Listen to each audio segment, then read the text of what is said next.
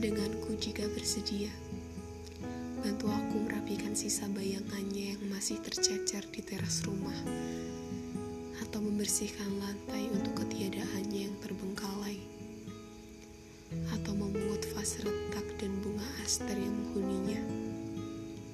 Atau mengemas meja kursi yang hendak dimuseumkan atau melelang rak tua berisi buku-buku dari Palasari, rumput halaman depan tempat ia kerap berlalu lalang, atau mengeringkan air yang tumpah dari pelupuk mata, atau memerankan lelucon agar aku ingat cara tertawa,